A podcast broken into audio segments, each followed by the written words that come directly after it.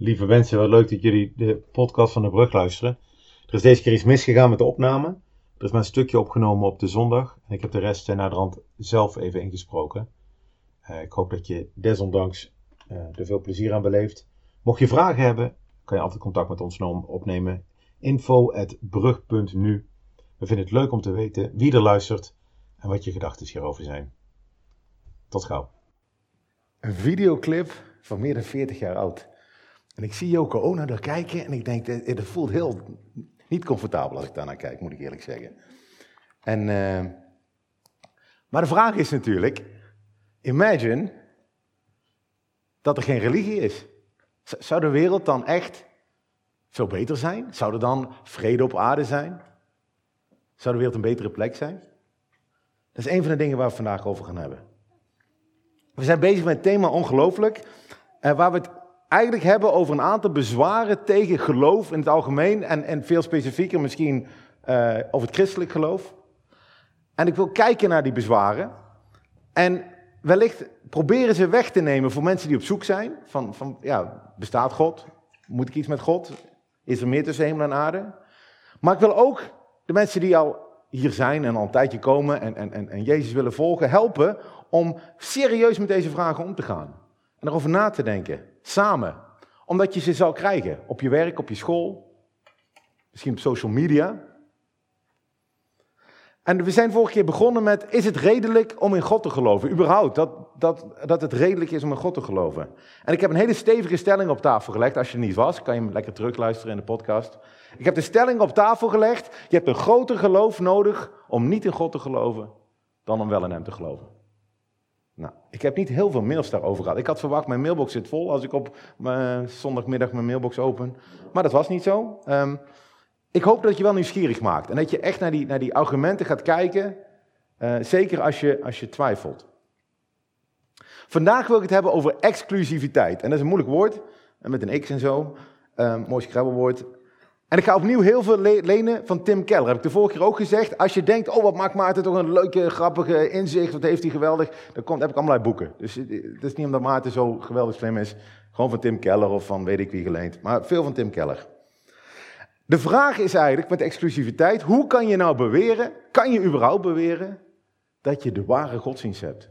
Dat jij gelijk hebt. Dat je, want dat is super arrogant natuurlijk, hè? Ik heb gelijk, want dat betekent dat iemand anders niet gelijk heeft. En bij mij thuis is het natuurlijk gewoon waar. Ik heb gelijk. En als ik ongelijk heb, dan Ben Jerry's, helemaal goed. En ik eet veel ijs. Ja, kijk, kijk maar naar het verschil tussen mij en mijn kinderen. ja. Dus ik heb veel gelijk. Ik heb veel Ben Jerry's, heb ik. Um, maar is het niet erg arrogant om te denken dat jij de waarheid hebt en de mensen die om jou heen zijn, die waarheid. Het is gewoon bij het verkeerde eind te hebben. Ik vind het een mooie vraag. En zoals altijd, drie punten. En de eerste punt wat ik wil maken is: ja, religie is exclusief. Daar ga ik niet onderuit komen. Ik ga niet verdedigen hier van nee, we zijn super inclusief. Exclusief. Tweede is, ik denk dat iedereen exclusief is in zijn denkbeeld en zijn geloof. En mijn derde is, wat is dan het meest inclusieve? Dat zijn mijn drie punten vanochtend. Laten we met de eerste beginnen. En mijn eerste punt is, yes, religie is exclusief. Geloven is exclusief. Ook het christendom is exclusief. En zelfs Yoko Ono en eh, John Lennon zijn exclusief, maar daar kom ik zo meteen op terug. Laten we even een stukje van de Bijbel lezen. Een stukje uh, uit, van Johannes. Johannes is een vriend van Jezus. Die is de enige vriend van Jezus van de twaalf die niet vermoord is voor zijn geloof. Die heeft toch wat brieven geschreven naar kerken. En hier heeft hij een brief geschreven.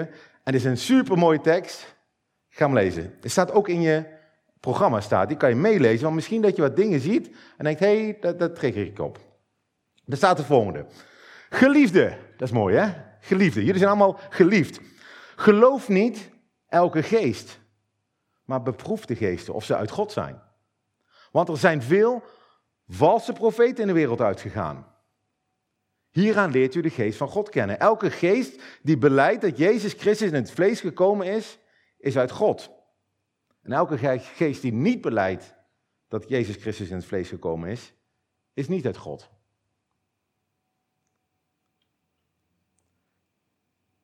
dat gaat verder, maar dat is de geest van de antichrist, waarvan u gehoord hebt dat hij komt en die nu al in de wereld is. Lieve kinderen, zie deze tekst is heel mooi hè? U bent het God en u hebt hem overwonnen, want hij die in u is, is groter dan hij die in de wereld is.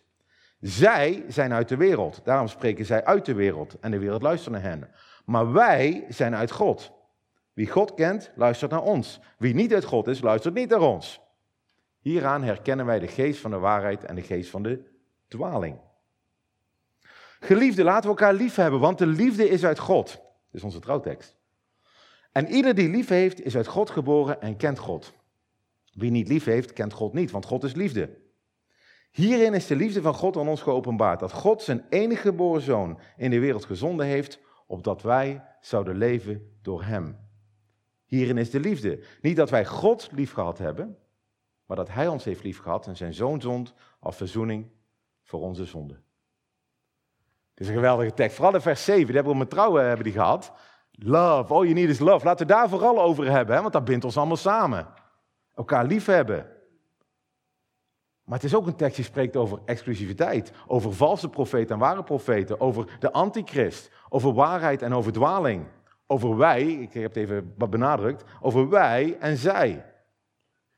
En die exclusiviteit kan echt een probleem zijn. Waar oorlog vroeger ging om, om landen, hè? wij, ons land, moet jouw land overwinnen of zo. Of ideologieën, het communisme moet uh, het kapitalisme overwinnen. Zijn de meeste van jullie opgegroeid in een wereld waar de meeste oorlogen gaan juist hierover. Over de religies.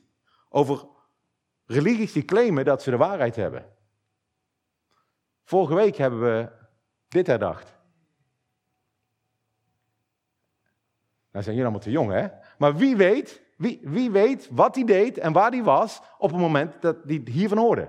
Kijk, de, ja, dit zijn de oude mensen zijn dit voor de... Voor die, hè? Want dit was in 2001 natuurlijk. Iedereen, iedereen boven de 30, denk ik, die, die weet precies. Toen dit gebeurde, waar was ik toen ik dit hoorde? Uh, waar heb ik tv gekeken om dit te zien? Uh, met, wat voor emotie kwamen in me op? Iedereen weet dat. Wat een ellende. Wat een ellende. En oorlog na oorlog. Hè? Je zet de tv aan, joden, moslims, christenen hier. Gedreven door religie. En ik denk dat we daar naar onszelf moeten kijken ook. Ik denk dat religie elkaar tegen elkaar kan opzetten. Dat wij er ook een aandeel in hebben. Want als jij denkt dat jij de waarheid hebt en een ander niet de waarheid heeft, dan leidt dat tot verdeeldheid. Dan ga je niet meer om met die mensen, die rare mensen. En vervolgens ga je van alles geloven over die mensen. En dat kan weer leiden tot discriminatie en onderdrukking. En de resultaten kunnen we iedere dag in het nieuws lezen. Dus ja, ik denk dat religie exclusief is. En kan leiden tot dit soort verschrikkelijke taferelen. Maar ik denk dat het veel breder is. Kijk naar het afgelopen jaar. Ik vind, wat dat betreft heeft corona best wel heel veel naar boven gebracht bij mensen.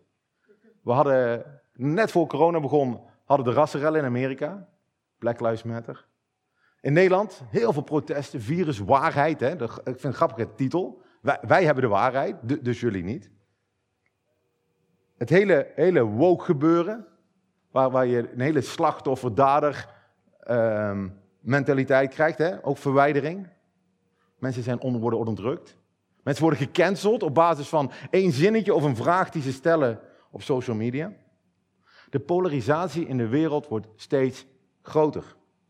En ik heb het gevoel dat we steeds minder tolerant worden ten aanzien van mensen die anders denken dan wij.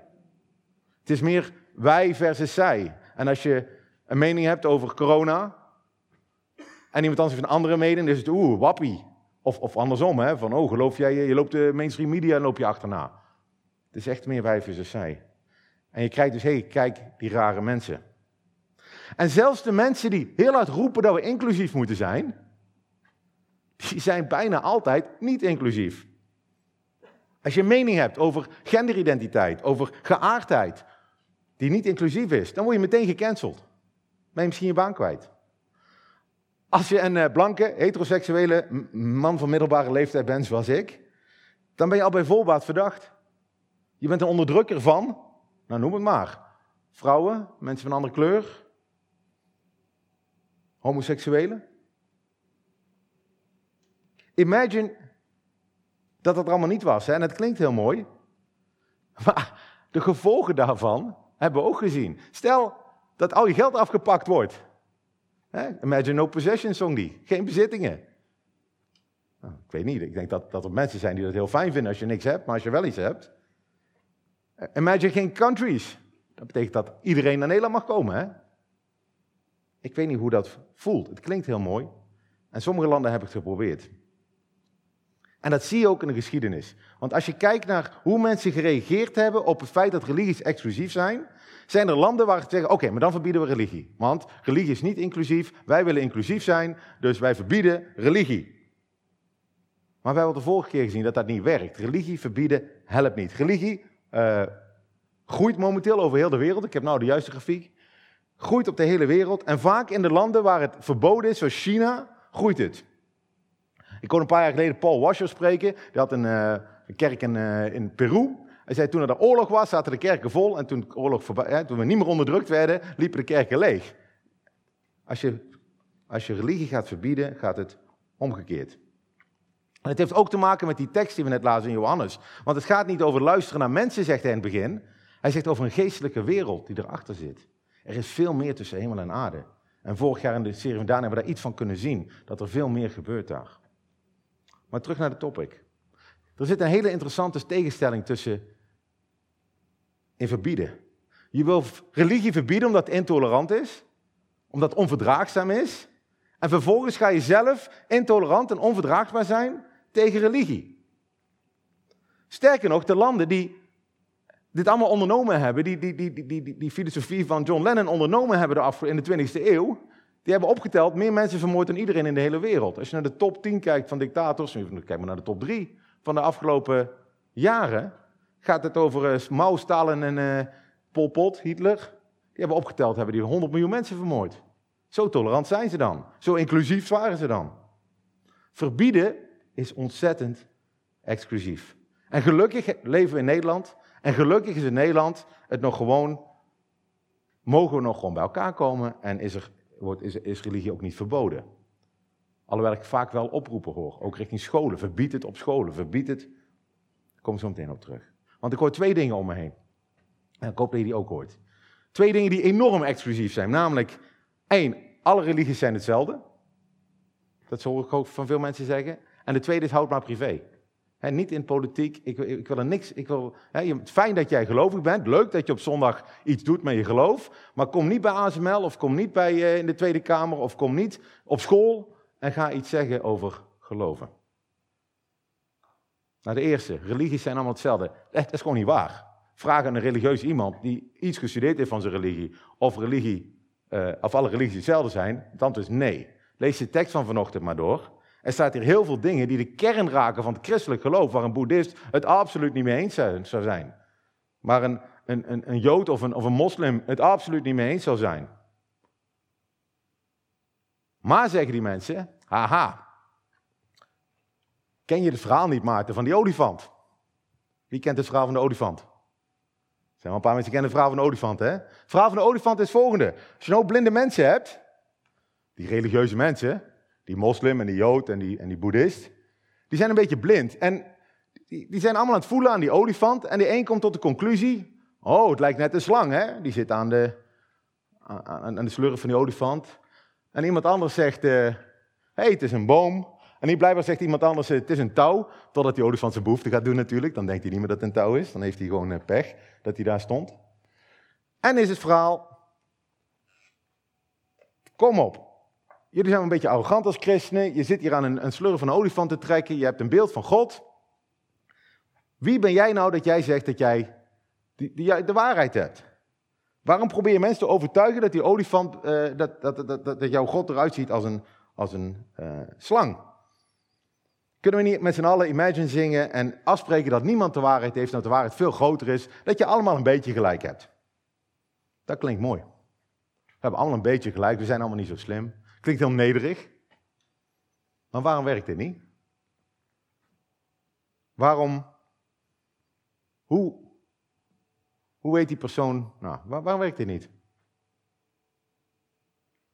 Hoe weet die persoon dat iedereen in een olifant zit en dat niet iedereen in de dierentuin zit en een ander beest in zijn hand heeft? Hoe weet hij dat?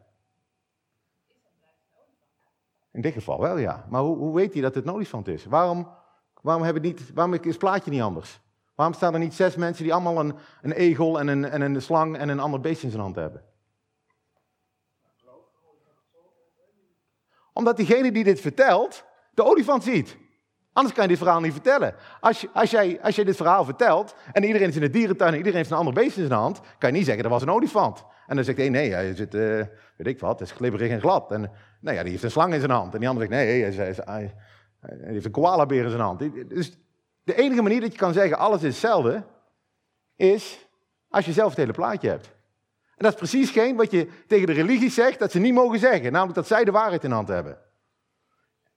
Als iemand het verhaal van de olifant vertelt, zegt hij eigenlijk, ik zie de waarheid. Ik ben niet blind. En jullie zijn allemaal blind, aan tasten in het donker. Ik ben verlicht. Ik heb een compleet beeld van wie God is. Ik zie dat alle religies hetzelfde zeggen. Maar dat is een super exclusieve waarheidsclaim, die ook nog super arrogant is ook nog. In ieder geval niet minder arrogant dan te zeggen, mijn geloof, christendom is de ware. Bovendien probeert die persoon mij vervolgens te overtuigen dat er een olifant is. Dat is ook heel grappig. Want ik mocht niet hem overtuigen dat ik dacht dat er geen olifant was. Daarom zegt Johannes, ze zijn uit de wereld, ze spreken uit de wereld. En hij zet dit in dezelfde categorie als geloof. Als geloof in God. Je moet in die olifant geloven en denken dat je het hele plaatje hebt om dit te kunnen zien.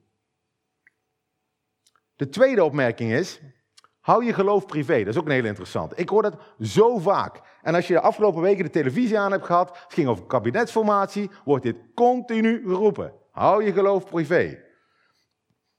Er was zelfs een minister, ik zal haar naam niet noemen. Ze is trouwens ex-minister. Die zegt, nee, ik wil niet samenwerken met die partij, want ik wil vooruit gaan. Voor en achteruit is blijkbaar gedefinieerd. En ik wil niet regeren met een geparkeerde auto, want geparkeerde auto's roesten. En dan had ze het over de ChristenUnie. Op Twitter, als meneer Segers van de ChristenUnie of meneer, weet ik wel, SGP, als hij wat postte, staat ja, hou je sprookjesboek thuis. Staat gewoon onder, hou je sprookjesboek thuis. Hou je geloof maar thuis, dit is geen manier om politiek te bedrijven. Maar wat is geloven, jongens? Wat is geloven? Is daar hier op zondag bij elkaar naar YouTube-filmpjes kijken en even naar Maarten luisteren? Is dat geloven?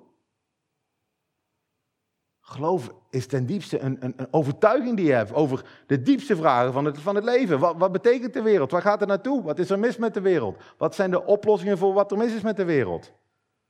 Dit zijn dingen die onbewijsbaar zijn. Vorig jaar heb ik het gehad over mensenrechten. Dat is heel mooi. Wij zijn voor mensenrechten. Waarom? Dat mensen gemaakt zijn in het beeld van God.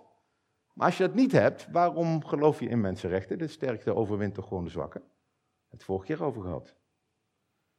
Maar je overtuigingen zijn wel heel belangrijk voor waar je energie in steekt, wat je gaat doen, wat je niet gaat doen. En iedereen heeft antwoorden op die geloofsvragen. En dat is ten diepste geloven. Dat kan je niet parkeren bij de uh, ingang van de Tweede Kamer. Je kan het niet losmaken van wie je bent. Als je gelooft dat er iets verschrikkelijks met je gebeurt na de dood, dan ga je geen uh, vol eind leven, of heet dat, uh, eh, voltooid leven uh, dingen maken. Ga je niet zeggen, oh mevrouw van 80, u kunt uit het leven stappen. Als je gelooft dat er nou iets verschrikkelijks met die mevrouw gebeurt, dan denk je, nou rek die tijd maar eventjes totdat er iets verschrikkelijks gaat gebeuren. Als je gelooft dat er iets geweldigs komt na de dood, nou, misschien ben je dan wel voor. Dan zeg je tegen mensen van 30 van, nou, hier is een pilletje. Want het is toch veel beter als jij dood bent dan hier op aarde. Als je gelooft dat het individuele belang boven het collectieve staat, dan kan je het heel belangrijk vinden dat mensen zelf mogen kiezen voor een heleboel dingen. Ook ten koste van anderen. Maar als je uit een heel andere cultuur komt, niet uit het Westen, zoals heel veel samenlevingen die het collectieve belangrijker vinden dan het individu, dan maak je hele andere afwegingen. En ten diepste zijn het geloofsovertuigingen. En ook roepen dat iets vooruitgang is, is geloof. Want welke maatstap gebruik jij? Welke meter heb jij om te roepen dat je nou een stapje vooruit bent gegaan of een stapje achteruit? Dus als je roept, hou je geloof thuis, en ik hoor het heel vaak, dan zeg je eigenlijk, mijn individualistische, mijn westerse, mijn seculiere overtuigingen hebben meer waarde dan die van jou. En dat zeggen ze ook, want ik heb er meer over nagedacht. En ik mag wel mijn individualistisch, westers, seculier geloof meenemen discussie, maar jij niet. Dus mijn vraag is dan waarom niet? Waarom, waarom mag je jouw geloofsovertuiging wel meenemen? Dat is ontzettend exclusief. Dus welke kijk je ook op de wereld hebt, je zal altijd mensen tegenkomen die het met je oneens zijn. En er zal een wij zijn ontstaan. En dat geldt voor religieuze mensen, maar dat geldt net zo hard voor mensen die zichzelf niet religieus vinden. Wat dan wel? Hoe kom je dan uit? Als we inclusiviteit belangrijk vinden, dat is ook een vraag. Waarom vind je dat überhaupt belangrijk, inclusiviteit? Als ik uh, niet Maarten was misschien, als, je, als ik uh, superdictator ben en ik heb al het geld in de wereld en ik kan doen en laten wat ik wil. Waarom zou ik belangrijk? Inclusiviteit, kom op jongens. Ik leef toch lekker mijn leven. Waarom vind je dat belangrijk? Waarom vinden liefde voor elkaar belangrijk? Waarom vinden inclusiviteit en liefde belangrijk voor mensen waar we het niet mee eens zijn? Dat is ook een, een hele stap. En als we deze wereld een betere plek willen maken. En ik zeg niet dat dat moet, hè? want dat is ook maar een geloof. Vind, vind je belangrijk dat de wereld een betere plek wordt? Sommige mensen hoeven dat niet. Die willen ontsnappen uit deze wereld. Die willen naar de volgende wereld. Waarom zou je deze wereld een betere plek willen maken? Maar als je dat wel vindt, als je inclusiviteit belangrijk vindt en je vindt het belangrijk dat de wereld een betere plek wordt, welke geloofsovertuiging leidt dan tot het meest inclusieve gedrag? En daar wil ik mee eindigen vandaag. En daar wil ik terug naar de tekst. En dan wil ik niet gaan praten over wat alle geloven met elkaar eens zijn, want dat is ook waar, er zijn heel veel overeenkomsten tussen de verschillende geloven, maar ik wil kijken naar de grootste verschillen in deze tekst. En dat klinkt misschien heel raar, maar ik denk dat het heel belangrijk is en dat ga ik nu aantonen. Ik heb namelijk het geloof dat het christendom de potentie heeft om het meest inclusieve geloof te zijn wat er is. Wat lees je in de tekst? Pak de tekst er nog eens een keertje bij. Wat lees je? Oh, ik heb het al heel gemaakt. Wat lees je in de tekst wat heel uniek is aan het christelijk geloof? Nou, het antwoord uh, is makkelijk nu, hè?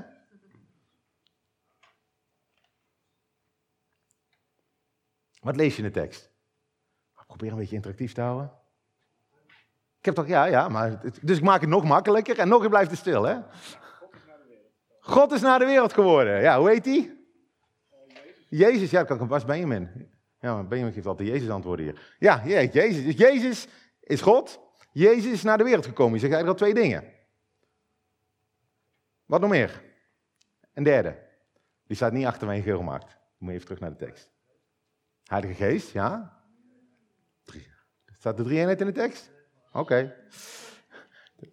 De laatste zin gaat over dat Jezus gedaan heeft, iets gedaan heeft wat wij niet kunnen doen. Daar kom ik zo meteen op terug. Hier staat Jezus in het vlees gekomen. Het staat er twee keer zelfs. Maar wat betekent dat? Wat een rare formulering eigenlijk. Dat Jezus niet geboren is, maar gekomen. En natuurlijk is hij ook geboren, maar gekomen betekent dat hij ergens anders vandaan komt. Jezus was er al voordat hij geboren werd. Hij is God. Hij was bij God. En hij is naar de aarde gekomen. De wijze man die wij als christenen volgen, Jezus Christus, is God. Geen enkele van een grote religie zal dat zeggen. En de tweede staat dat hij in het vlees gekomen is. Wat betekent dat dan? Dat hij de gedaante van een mens heeft aangenomen en onder ons heeft gewoond, hier op aarde. De meeste religies denken dat de wereld maar een illusie is waar we van bevrijd moeten worden. Of een fysieke werkelijkheid waarvan we uit moeten ontsnappen voor iets geweldigs in het hiernamaals. Maar de Bijbel is heel duidelijk. God heeft de schepping goed gemaakt. Jezus heeft een lichaam gekregen en laat zien hoe een leven met God eruit kan zien. En heel de aarde kijkt uit naar de geliefde kinderen van God om bevrijd te worden. En het derde punt was, Jezus heeft gedaan wat wij niet kunnen doen. In alle religies moet je doen wat God je zegt. Je moet van God houden en andere mensen. En als God ziet dat jij van Hem lief hebt en je goed voor je buren zorgt en voor je familie, dan mag je naar de hemel. Maar dat is niet het goede nieuws. Het goede nieuws zegt, het goede nieuws dat we hier iedere week mogen verkondigen zegt iets heel anders.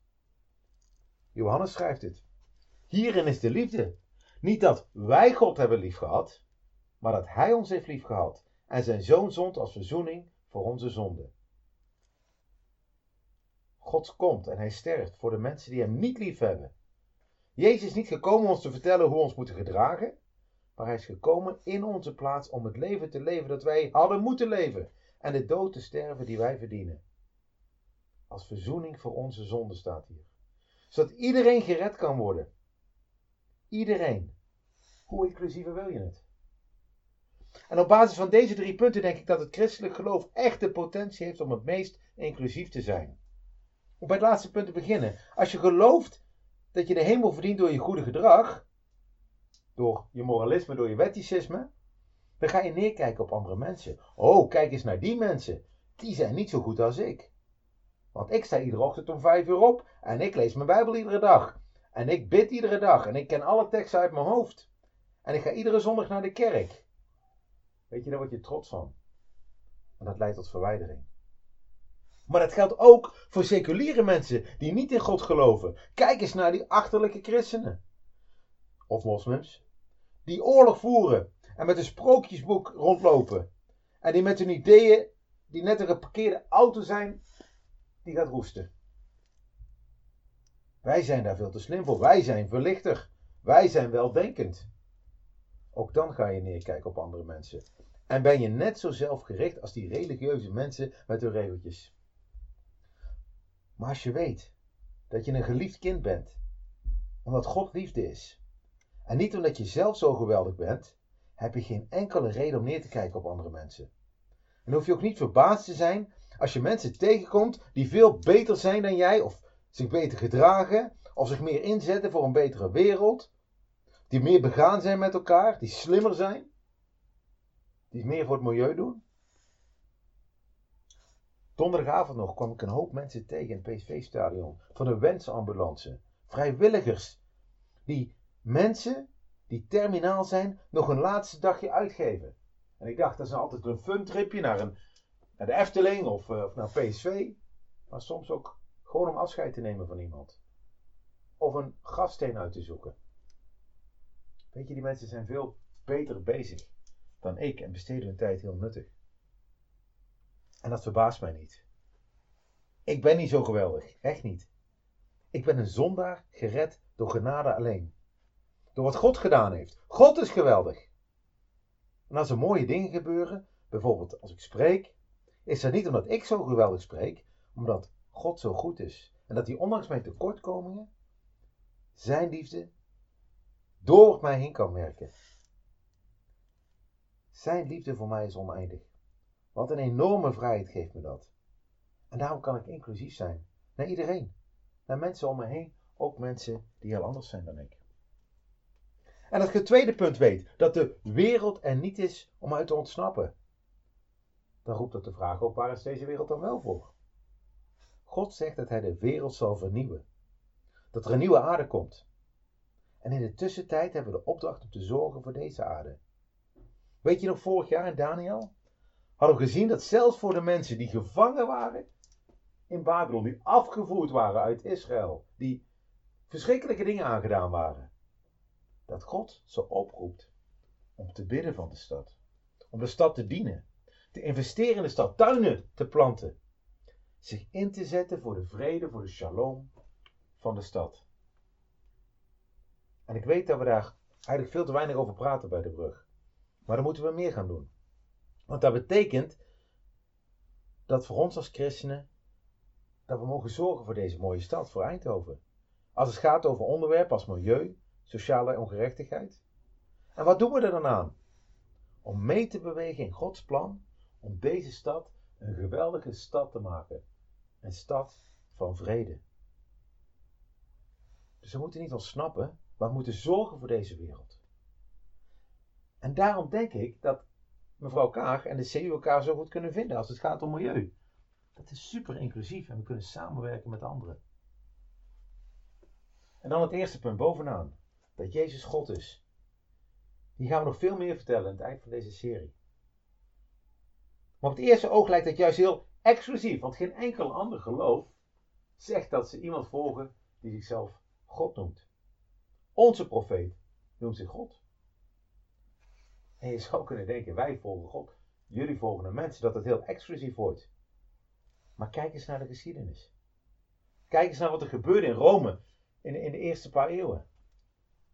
In Rome, Rome was super inclusief. In Rome mocht je geloven in elk god die je, die je wilde. Maar niemand zorgde voor de armen. Meisjes werden soms vermoord als ze geboren werden. En werden snel uitgehuwelijkt als ze groter werden. Vrouwen hadden geen enkele sociale status. En als er een ziekte uitbrak, dan was het wegwezen. Maar wat deden de christenen? Ze, trouw, ze bouwden ziekenhuizen. Ze zorgden voor de armen. Kinderen werden gezien als geschenk van God. En vrouwen werden niet gedwongen om te trouwen. Ook de zieken, de armen en de kinderen van anderen. Het christendom heeft onze westerse samenleving totaal veranderd tot op de dag van vandaag. Waarom denk je dat vluchtelingen die vervolgd worden in, het thuis, in hun thuisland of door oorlog moeten vertrekken, niet naar andere rijke landen willen vluchten? Bijvoorbeeld uh, Saudi-Arabië, dat is ruimte zat, grote zandbak, heel veel geld. Waarom denk je dat ze hier naar komen?